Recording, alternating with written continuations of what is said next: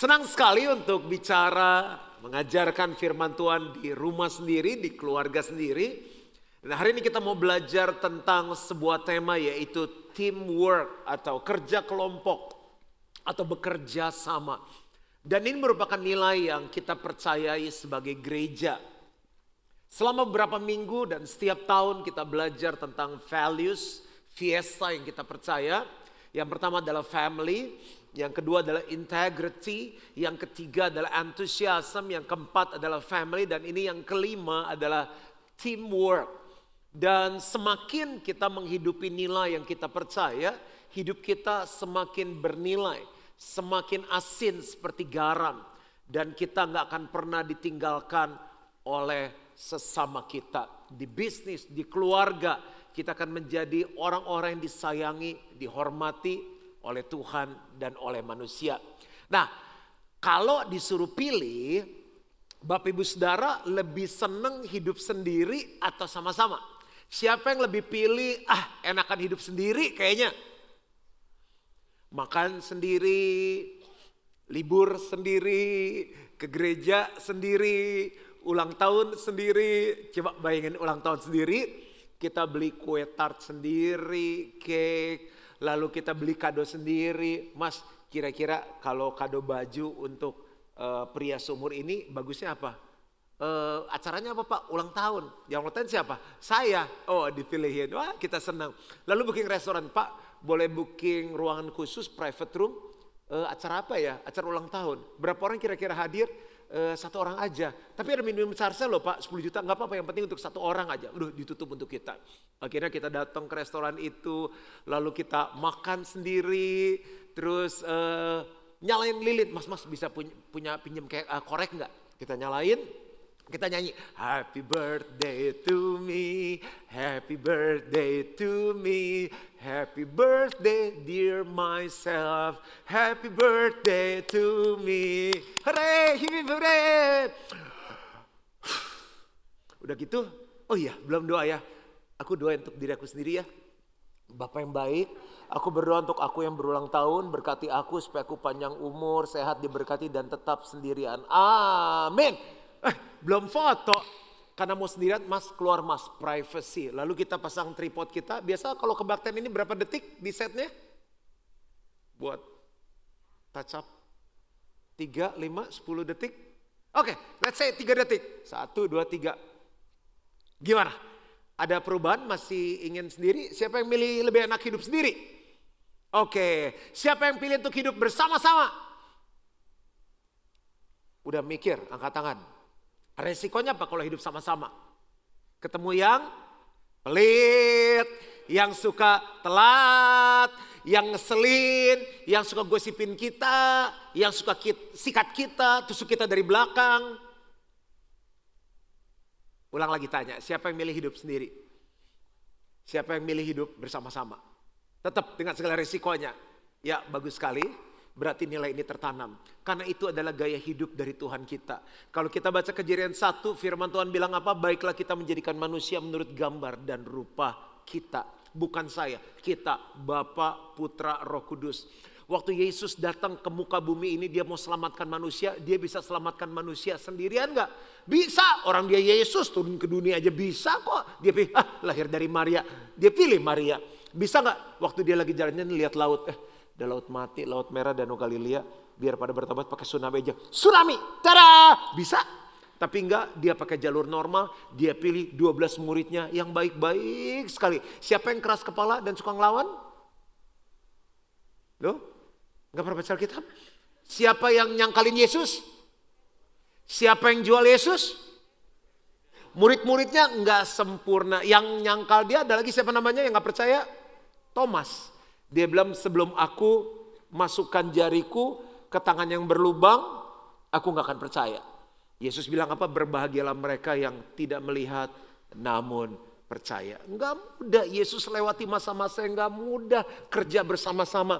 Lalu waktu dia lagi susah banget tuh, lagi di kayu salib, katanya uh, peluhnya, keringatnya seperti menyerupai darah. Sementara dia lagi ketakutan, murid-muridnya ngapain?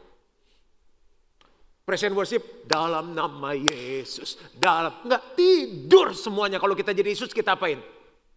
Kita setrum itu murid-murid kayak begitu. Makanya kita nggak pernah jadi Yesus. Lihat, nggak ada yang asik diajak teamwork. Tapi Yesus tetap memutuskan untuk bekerja secara teamwork.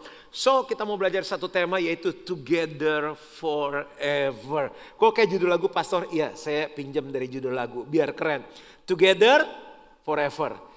Kau sahabatku, kau saudaraku, tiada yang dapat memisahkan kita.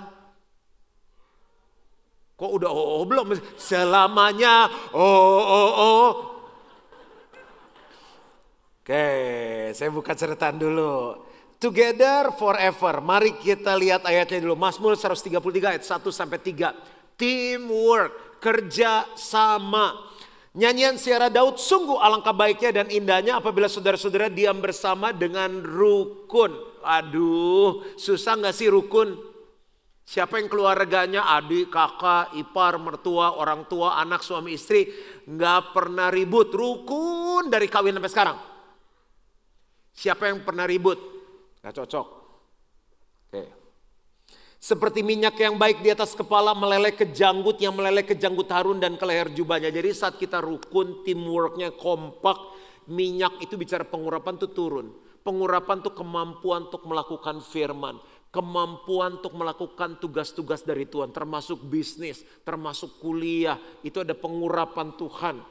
Seperti embun gunung Hermon yang turun ke atas gunung-gunung Sion. Embun bicara mengenai kesejukan Bapak ibu saudara waktu masuk ke GB Gilgal rasanya apa? Dingin itu AC. Enggak maksudnya tuh kok kayaknya damai, sejuk, lihat guru anaknya, lihat pastornya, lihat asirnya tuh aduh kayaknya peace banget di dalam. Yuk baca ayat berikutnya, mulai dari kata sebab, dua, tiga. Sebab ke sanalah Tuhan, yang semangat, dua, tiga. Sebab Ke sanalah Tuhan memerintahkan berkat kehidupan untuk selama-lamanya. Ke mana? Ke orang yang hidup rukun, ke orang yang hidup bersatu, ke orang yang ngerti teamwork tuh kayak gimana. Ke mana? Ke sini. Ke mana? Ke pik. Karena tadi saya suruh pilih siapa yang lebih senang sendirian. Nggak ada angkat tangan. Siapa yang senang hidup sama-sama teamwork. Eh, ke sini Tuhan perintahkan. Jadi dari sinilah saya suka ngomong Jangan suka kejar apa yang bisa datang sendiri dalam hidup kita. Karena kalau kita bersatu aja, rukun aja, itu kita nggak perlu ngejar berkat, berkat yang ngejar kita. Tuhan perintahkan berkat, kehidupan untuk selama-lamanya. Makanya nilai ini saya ambil jadi nilai dari GBI Gilgal. Bapak Ibu Saudara bisa ambil karena ini nggak dipaten, ini ada di firman Tuhan. Makanya GBI Gilgal hanya mulai dengan satu juta rupiah, nggak punya sound system, nggak punya apa, cuma punya visi dari Tuhan, cuma punya Tuhan, tapi kita punya kesatuan. Makanya yang jalan sama-sama kita rata-rata lama. 27 tahun, 24 tahun, 25 tahun, nggak selalu cocok. We is more important than I. Buat apa kita menang tapi goal nggak tercapai? If you want to go fast, go alone. Kalau mau pergi cepat, pergilah sendiri. If you want to go far, tapi kalau kita mau perginya jauh, mungkin nggak secepat kalau kita sendiri go together. Pergi cepat belum tentu pergi jauh. Siapa yang pernah ngalamin ke gereja telat? Aku aja pernah kok, oke. Okay. Biasanya telat gara-gara apa? Macet. Kedua, karena tidak disiplin. Tiga, pernah disebabkan karena salah satu anggota keluarga, suami, istri atau anak. Lebih ke suami, istri atau anak biasanya. Istri, pak istri. Oke, okay. posisi dari mobil udah contoh saya aja biar nggak ada keributan. Ini pengalaman saya. Saya kan nggak mau telat kan. Duh kok lama ya. Kalau nggak sabar, terribut. Kalau sabar, telat. Sekali saya coba saya kelason, tin. Isi saya turun. Ini di awal-awal pernikahan. Kenapa Lus? Ya jangan suka klakson-klakson Kenapa? Jadi senewan. Kamu lagi begini-gini senewan katanya. Terus yang gak enak aja katanya. Oh jadi lain kali gimana? Ya kasih tau aja mau pergi. Jadi saya udah pakai sepatu tali. Kalau belum turun kasih tau aja mau pergi. Jadi mesti turun mobil lagi. Kan kalau masuk rumah peraturannya harus buka sepatu. Males gak kalau udah nalin terus buka lagi. Aku kan yang model kalau begini keganjel kan. Jadi kayaknya untuk masuk lagi. Saya bilang sayang nanti gak keburu. Nada nggak boleh salah loh. Saya yang telat nih, kita gini, gini, gini, gini. Kenapa akhirnya 20 tahun pernikahan saya masih sama istri saya ke gereja? Karena saya mau jalan sama-sama di jangka panjang. Jadi lebih enak menikah atau enggak? Apa ini cuma saya doang ya udahlah. Nah atas dasar itu sekarang makanya satu-satunya gereja di Indonesia yang jemaatnya telat nggak pernah marah Juan Mogi. Karena begitu ada yang telat saya langsung bilang begini. Ini orang nilai gila banget teamwork, kebersamaan. If you want to go fast, go alone. If you want to go far, go together. Oke, okay. siap belajar tentang teamwork? Siapa yang pengen hidupnya Tuhan perintahkan berkat kehidupan untuk selama-lamanya? Aku juga angkat tangan. Nah, ini belajar nih. Beberapa prinsip untuk membangun nilai teamwork. Yang pertama, memiliki teamwork yang benar memiliki teamwork yang benar. Untuk memiliki teamwork yang benar dimulai dari memilih teamwork yang benar. Memilih baru memiliki. Siapa sih teamwork kita? Saya kasih beberapa contoh. Kita dengan Tuhan tuh teamwork. Kita yang ordinary, teamwork sama Tuhan yang ekstra, jadi extraordinary. Kita akan melihat, mengalami, dan melakukan hal-hal yang extraordinary. Kita yang natural, kita teamwork sama Tuhan yang super jadi apa? Supernatural. Kita akan mengalami dan melakukan perkara-perkara yang supranatural. Benar kan? Itu Alkitab bilang kan tanda-tanda ini menyertai orang yang percaya. Mereka menumpangkan tangan atas orang sakit dan orang itu sembuh dan lain sebagainya. Kita teamwork sama Tuhan. Tapi kenapa banyak orang Kristen dalam hidupnya nggak ngalami sesuatu yang Alkitab tadi tulis? Ngalami Tuhan, ngalami extraordinary, ngalami nggak ngalami Tuhan perintahkan berkat kehidupan untuk selama-lamanya. Sedangkan dia partner sama partner yang paling hebat. Orang partner sama perusahaan besar udah bangun, eh aku partneran sama dia. Terus teman-teman begini, wow Kenapa? Karena hebat sekali. Restoran-restoran sekarang partner berapa? 7 orang, 12 orang punya satu restoran.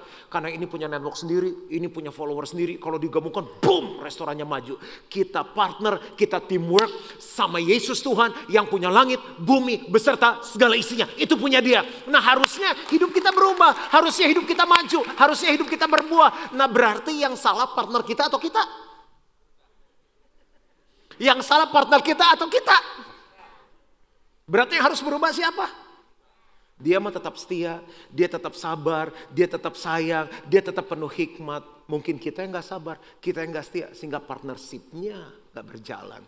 Sekarang pertanyaannya gini, kira-kira kita salah pilih Yesus jadi partner hidup kita gak? Sahabat kita, juru selamat kita gak salah kan? Pilihan udah benar. Berarti nanti masuk poin kedua dan ketiga. Sekarang contoh berikut suami dan istri. Pak, Jawab dong, pendetanya tanya Pak. Yang merasa jenis kelaminnya laki-laki Pak. Yang di sebelah istrinya salah pilih nggak? Yang di sebelah istrinya salah pilih nggak? Oke mungkin wanita lebih jujur ya Bu. Yang di sebelah suaminya salah, aku aja sampai nggak berani lihat. Yang di sebelah suaminya salah pilih nggak? Berarti harus kalau timnya kompak, Tuhan perintahkan berkat kehidupan untuk selama-lamanya dong. Iya kan? Jadi lihat istrinya ke sebelah, ini tim saya. Eh, jangan main-main. Pulang dari sini Tuhan perintahkan berkat kehidupan untuk selama-lamanya. Sekarang yang single. Dulu waktu saya jadi mat saya paling seneng pertanyaan ini. Siapa yang masih single belum menikah dan ingin menikah? Kan kalau ada yang gengsi gini, untuk ketahuan, untuk ketahuan kita belum. Justru itu saatnya. Di mana yang ngelihat bukan yang single. Calon-calon mertua semua lihat, oh, boleh juga tuh, boleh kiri-kiri arah jam 3, arah jam 3 begitu langsung. Oke saya kasih kesempatan sekali lagi, Kairos ini gak akan pernah datang sekali lagi. Siapa yang masih single dan punya rencana mau menikah tapi sekarang belum ada pasangan? Si, si, si. Buka mata lebar-lebar karena begitu salah pilih partner selesai kita.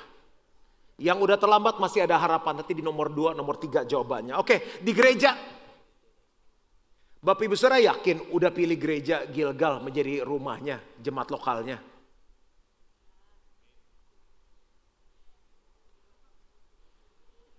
How many of you sure that GBI Gilgal is your home church?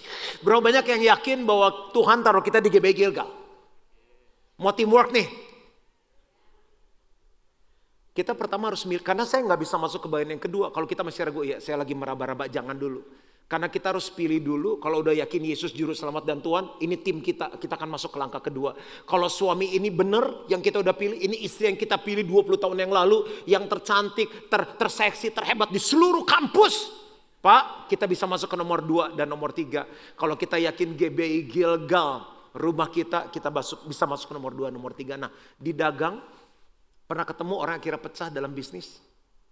Joinan pakai tuntut-tuntutan, bawa, udah bawa pengacara segala. Wah udah pakai main segala macam cara. Wah saya sakit sekali pak sama dia. Dulu tuh orang kelihatan pinter banget pak. Genius pak. Wah angka tuh di luar kepala dia pak. Cermat, detail. Ternyata dia yang tusuk saya pak. Dia yang cia saya pak. Lihat. Karena kita salah memilih partner. Jadi kalau pengen punya teamwork, yang pertama adalah memiliki teamwork yang benar dimulai dari pilihan yang benar, makanya harus doa. Kita milih pemimpin aja, syaratnya yang pertama punya apa? Karakter dulu nomor satu. C pertama karakter. Yang kedua apa? Kompetens, kemampuan. Buat apa punya kemampuan tapi karakternya hancur. Tapi kalau karakternya bagus tapi nggak nggak bisa apa-apa kan juga capek juga kan. Yang ketiga adalah punya chemistry, nyambung, klik, Makanya saya bilang gini, untuk kenal orang perlu waktu. Dan harus kita lihat buah-buahnya. Buahnya bagus nggak? Jangan keburu cinta. Jangan keburu, aduh kayaknya gue cocok deh, udah partner deh, udah tanam deh 10 miliar. Jangan. It takes time to know people. Baru yang keempat culture. Ini poin yang pertama. Memiliki teamwork yang benar. Baru yang kedua, kalau teamworknya udah benar, kejar tujuan yang benar. Karena sering kali partnernya udah benar, timnya udah benar, tapi tujuannya salah. Kembali ke contoh yang tadi. Udah yakin ya, kita pilih Yesus, kita mau tim berjalan sama Yesus today. I will walk with my hands in God today. I will trust in Him and not be afraid. Oke, semuanya udah yakin ya, Yesus juru selamat dan Tuhan kita ya. Sekarang saya mau tanya tentang tujuan. Bapak Ibu Saudara yang di grup sini kenapa ikut Yesus? Tolong dijawab. Spontan, relax, pastor nggak marah, salah norma karena kita belajar. Kenapa ikut Yesus? Salah satu aja mewakili. Orang tuh gitu, spontan. Kenapa? Karena mengasihi Tuhan. Bagus. Kalau yang grup ini, kenapa ikut Tuhan? Supaya selamat. Karena juru selamat, bagus. Yang di sini kenapa ikut Tuhan? Diwakili siapa aja? Salah satu boleh. Apa? Kasihnya absolut luar biasa. Ikut Tuhan karena kasihnya absolut benar. Yang ini? Karena dikasih luar biasa. Karena dikasihi, karena kasihnya absolut, karena juru selamat, karena aku lupa yang ini. Karena apa?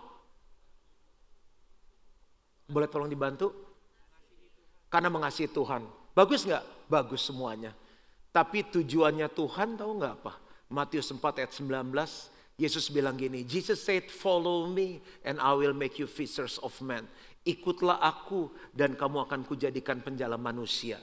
Sementara kita nyari Tuhannya gini, ya aku kan ikut Tuhan karena aku dapat keselamatan, karena aku sayang Tuhan, karena aku disayang sama Tuhan, karena kasihnya absolut. Nggak ada yang salah, tapi belum masuk ke tujuan yang benar. Tuhan bilang gini, Aku tahu aku sayang sama kamu, kamu sayang sama aku. Aku tahu aku juru selamat, tapi nggak cukup di situ. Kalau kamu mau maksimal, kamu mau ngalami berkat kehidupan Tuhan ada dalam hidupmu, kamu harus dimuridkan supaya kamu jadi penjala manusia. Kamu yang diselamatkan dimuridkan supaya kamu bisa menyelamatkan orang lain. Kamu yang dulu orang berdosa, sekarang bertobat dimuridkan supaya bisa menolong orang lain bertobat. Kamu yang rumah tangganya hancur, sekarang dipulihkan, harus dimuridkan supaya bisa menolong rumah tangga yang lain. Kamu sakit disembuhkan oleh bilur-bilur Yesus, sekarang dimuridkan supaya kamu bisa menyembuhkan orang lain. Nggak ketemu. Makanya kita ikut Tuhan sering nyalain Tuhan. Kenapa ikut Tuhan gini-gini aja. Terus Tuhan juga ngomong gini. Gini-gini aja maksud lo apa? Gitu. Karena nggak ketemu tujuannya. Yuk hari ini semua tujuan tadi nggak ada yang salah. Untuk dapat jodoh, untuk diberkati, untuk diselamatkan. Karena dia juru selamat. Semuanya bagus. Tingkatkan supaya kita bisa jalan satu level sama Tuhan. Jalan, maju, maju, maju. Jadi teamwork yang luar biasa.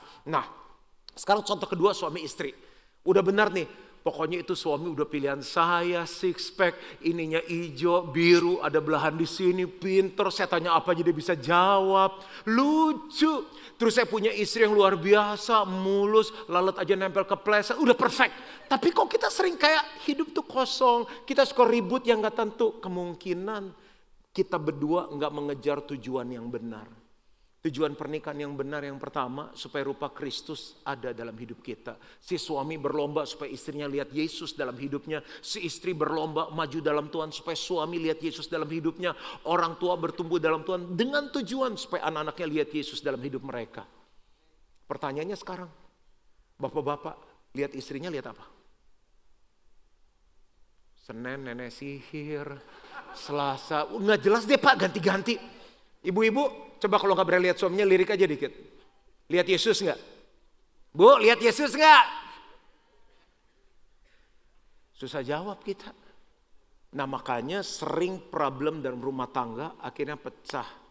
Ada yang hidup sama-sama tapi cuma sekedar bertahan ya udahlah. Nahan aja. Nahan aja. Sayang, yuk tingkatin punya tujuan yang sama. Pasti kompak deh. Tujuan pernikahan yang kedua melahirkan keturunan ilahi. Kita berkorban gak apa-apa. Kita besarkan anak-anak jadi murid-murid Kristus. Itu tujuan pernikahan yang kedua. Dan yang ketiga, lewat pernikahan kita orang bisa lihat Yesus. Keluarga-keluarga lain dipulihkan dan datang sama Tuhan. Gak banyak keluarga hidup dalam tujuan pernikahan yang Tuhan kasih. Makanya apa? Mereka gak ngalami berkat kehidupan mengejar mereka. Contoh yang ketiga, saya kasih tadi gereja. Bapak Ibu Saudara udah ada di gereja yang benar. Tujuannya apa? Sekarang kalau saya tanya, kenapa ke Gilgal? Dekat pastor tinggal ngesot doang di fake. Yang kedua, kenapa ke Gilgal? Iya sekalian jalan-jalan loh, kita tinggal di ujung bumi. Di sana kan makanan lagi enak-enak. Kenapa ke Gilgal? Khotbahnya bagus. Nggak ada yang salah. Tapi sering kali ada udah ke gereja, gerejanya mungkin oke, eh, eh, tapi takut GR nih. Kira-kira Gilgal oke okay nggak gerejanya? Benar, tapi kenapa ada yang berbuah, ada yang enggak? Kan ada banyak orang nggak ngerti. Mereka ada di Gilgal, tujuan dari Gilgal ada visinya supaya kita dimuridkan jadi jemaat yang kuat. Kuat secara rohani, kuat secara jasmani, kuat secara keuangan, kuat secara karakter, kuat secara hubungan. Waktu tujuan itu nggak ketemu, selesailah kita. Maka kita bilang, kok gereja gini-gini aja ya? Kok gereja mentok ya? Kok gereja nggak bertumbuh? Karena tujuannya nggak ketemu. Yuk, apa yang sedang kita alami sekarang, kalau kita ingin mengalami Tuhan perintahkan berkat, kehidupan untuk selama-lamanya, yakinkan tujuan kita disamakan dulu. Tujuan kita ikut Tuhan sama tujuan panggil kita. Tujuan suami istri ini jadi satu bukan karena supaya ada yang jagain. Ya biar ada yang ngurus-ngurus rumah lah, ada yang bantu-bantu. Ya cari aja pembantu untuk ngurus rumah. Ya supaya kebutuhan saya terpenuhi. Bukan itu pernikahan. GW Gilgal, ada sukacita, Nah yang berikutnya kita ke gereja mesti datang dengan sebuah visi. Nah teamwork ini akan terbentuk. Ini yang kedua. Jadi yang pertama memiliki teamwork yang benar. Kalau udah benar tujuannya disamakan. Nah yang ketiga. Ini yang paling penting. Melakukan pengorbanan yang benar. Melakukan pengorbanan yang benar. Tujuan timnya udah benar nih. Terus yang kedua apa? Tujuannya udah benar. Tapi kalau dua-duanya nggak berkorban nggak bisa. Loh, kita bisa partner sama Tuhan, kita orang berdosa. Nggak ada dari kita yang cari Tuhan, ingat Tuhan. Tapi Yesus turun dari surga ke dunia ini, ke bumi ini, disalib, mati, menderita, supaya kita diselamatkan. Ada yang berkorban, makanya kita bisa bersatu. Kita bisa terima Yesus. Nah sekarang saya tanya dulu nih, Bapak Ibu Saudara. Siapa yang memang sudah yakin ini rumah kita, Tuhan taruh kita di GBI Gilgal? Ya udah yakin aja. Berarti kita tim bukan? Sekali lagi. Berarti kita tim bukan? Oke. Sekarang saya minta bantuan tiga orang yang memang rumahnya udah di GBI Gilgal dan merasa bahwa memang ini kita tim satu keluarga. Tiga orang pria dan umurnya kalau bisa di bawah saya. Saya minta tolong tiga volunteers untuk maju ke depan. Tapi kalau nggak teamwork nggak apa-apa jangan ditunjuk. Kan cuma aku cari yang teamwork. Umur saya 34 lewat 15 tahun. Jadi 49 lewat 8 bulan. Nah kalau bisa yang lebih muda dari saya tiga orang laki. Yang tadi udah angkat tangan kan? Musi itu loh sesuai loh dengan perkataannya. Siapa yang yakin gereja di Gilgal? Yang ini teamwork. Tiga orang gak ada yang muncul. Ayo tiga orang. Wah luar biasa. Luar biasa. Luar biasa. Yang meriah dong. Ini dari puluhan ribu yang angkat tangan cuma tiga yang berani maju. Luar biasa, luar biasa.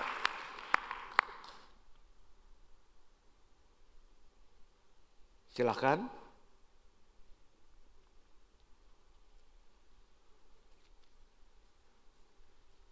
Namanya siapa? Henry Pastor. Henry usia? 32. Ya, lebih muda. Nama? Trihardi. Trihardi, usia? 28. 28. Clifton. Clifton? 29. 29. Nih Bapak Ibu lihat, kita berempat seumur, deketan. deketan. Oke, seumur ya. Oke, sekarang kita mau belajar bagaimana sudah punya tim yang benar, sudah punya tujuan yang benar, sekarang punya pengorbanan yang benar. Saya baca ayatnya, kalian tunggu di sini. Keluaran 17 ayat 8 sampai 14. Lalu datanglah orang Amalek dan berperang melawan orang Israel di Rafidim. Musa berkata kepada Yosua, pilihlah orang-orang bagi kita. Lalu keluarlah berperang melawan orang Amalek. Besok aku akan berdiri di puncak bukit itu dengan memegang tongkat Allah di tanganku.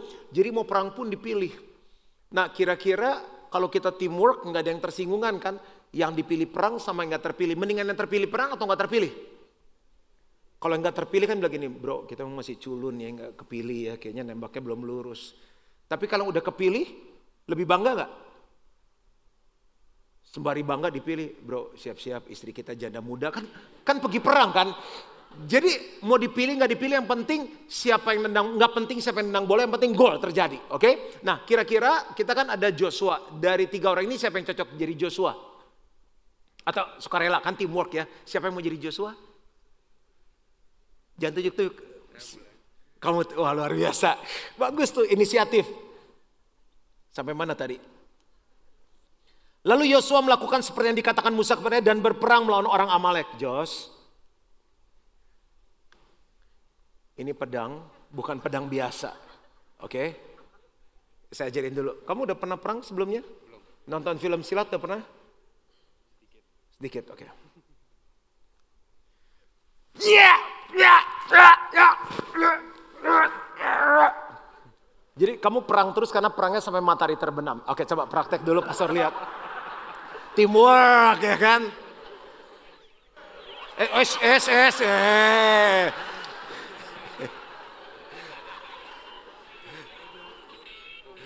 Oke, oke. Itu yang gak usah dinyalain, oke. Siap ya? Oke. Dan terjadilah apabila Musa mengangkat tangannya, apabila Musa mengangkat tangannya lebih kuatlah Israel, tetapi apabila ia menurunkan tangannya lebih kuatlah Amalek, maka penatlah tangan Musa.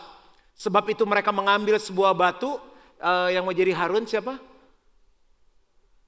Hur? Oke, okay, Harun yang pernah kena kusta jadi putih kan?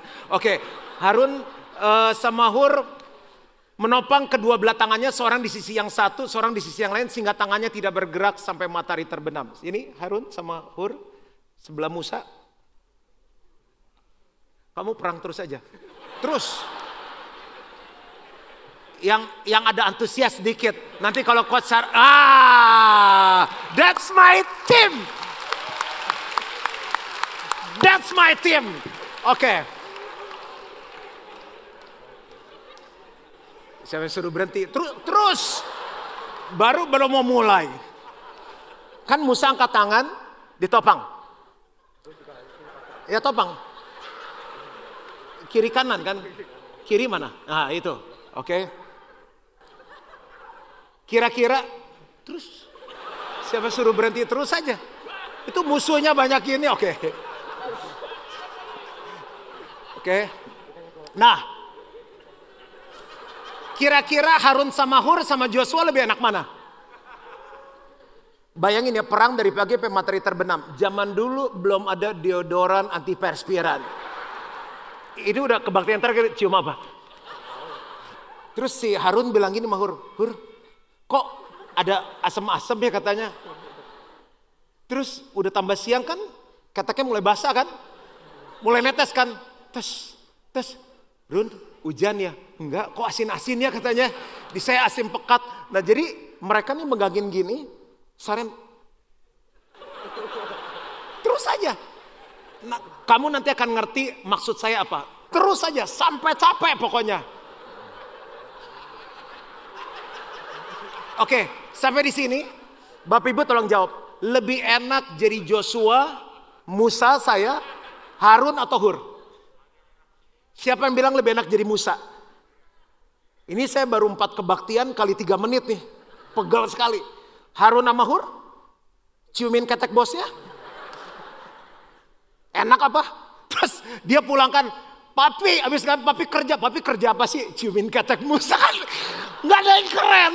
Kalau si Jos, Jos terus, yang lebih cepat mati siapa? Si Joshua bisa mikir nggak? Enak-enak banget tuh orang tua bertiga cuma ngangkat tangan doang katanya. Kita yang perang resiko mati. So, apa yang kita bisa belajar di sini? Jos, terus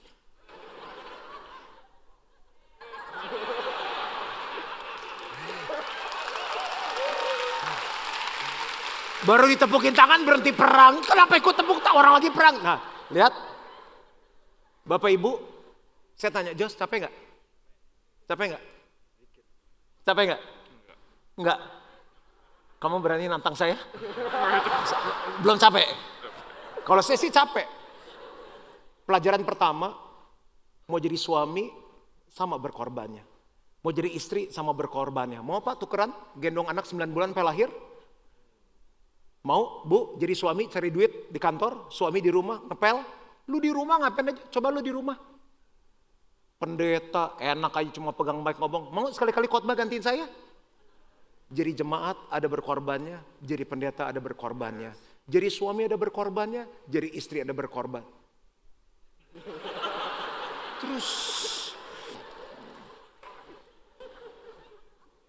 Tuhan Yesus sama kita lebih enak jadi Tuhan atau jadi kita? Tuhan Yesus sudah mati di salib bagi kita. Nah, saya baca ayat terakhir. Udah, udah sayang. Sini kita ngumpul lagi. Belum, belum turun. Kita bertiga baca ayat ini.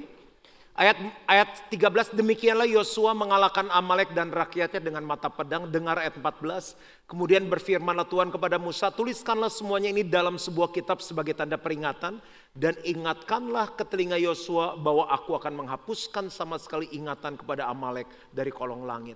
Mereka bukan cuma sekedar menang, tapi mereka menang total. Kenapa terjadi kemenangan total? Karena ada orang yang mau berkorban dengan benar sampai kemenangan terjadi. Kenapa ada kemenangan total? Karena ada orang-orang yang mau berkorban sampai kemenangan terjadi. Amin. Tuhan memberkati. Mari kita bangkit berdiri sama-sama dan kita datang sama Tuhan. Ada tiga hal apa aja? Memiliki teamwork yang benar. Yang kedua, memiliki tujuan yang benar. Yang ketiga, memiliki pengorbanan yang benar. Ini yang membuat Gilgal bisa ada sampai ke usia 27 tahun. Ini yang membuat keluarga saya baru 20 tahun menikah, masih pengantin muda bisa bertahan sampai saat ini. Dan ini yang membuat Tuhan memerintahkan berkat kehidupan untuk selama-lamanya. Mari kita berdoa. Bapak, hambamu selesai menyampaikan firman. Aku tahu kalau ini dilakukan, perpecahan berhenti, perceraian berhenti, kutuk berhenti. Yang kami lihat di mana-mana ada berkat, ada kehidupan. Saya selalu bilang sama teman-teman, kita bisa beda, kita bisa mengalami tantangan, kita semuanya antik, kita semua dikumpulkan jadi satu. Ingat, hubungan di atas segalanya. Aku minta ini di dalam nama Yesus. Dan setiap kita yang percaya sama-sama katakan, Amin, amin.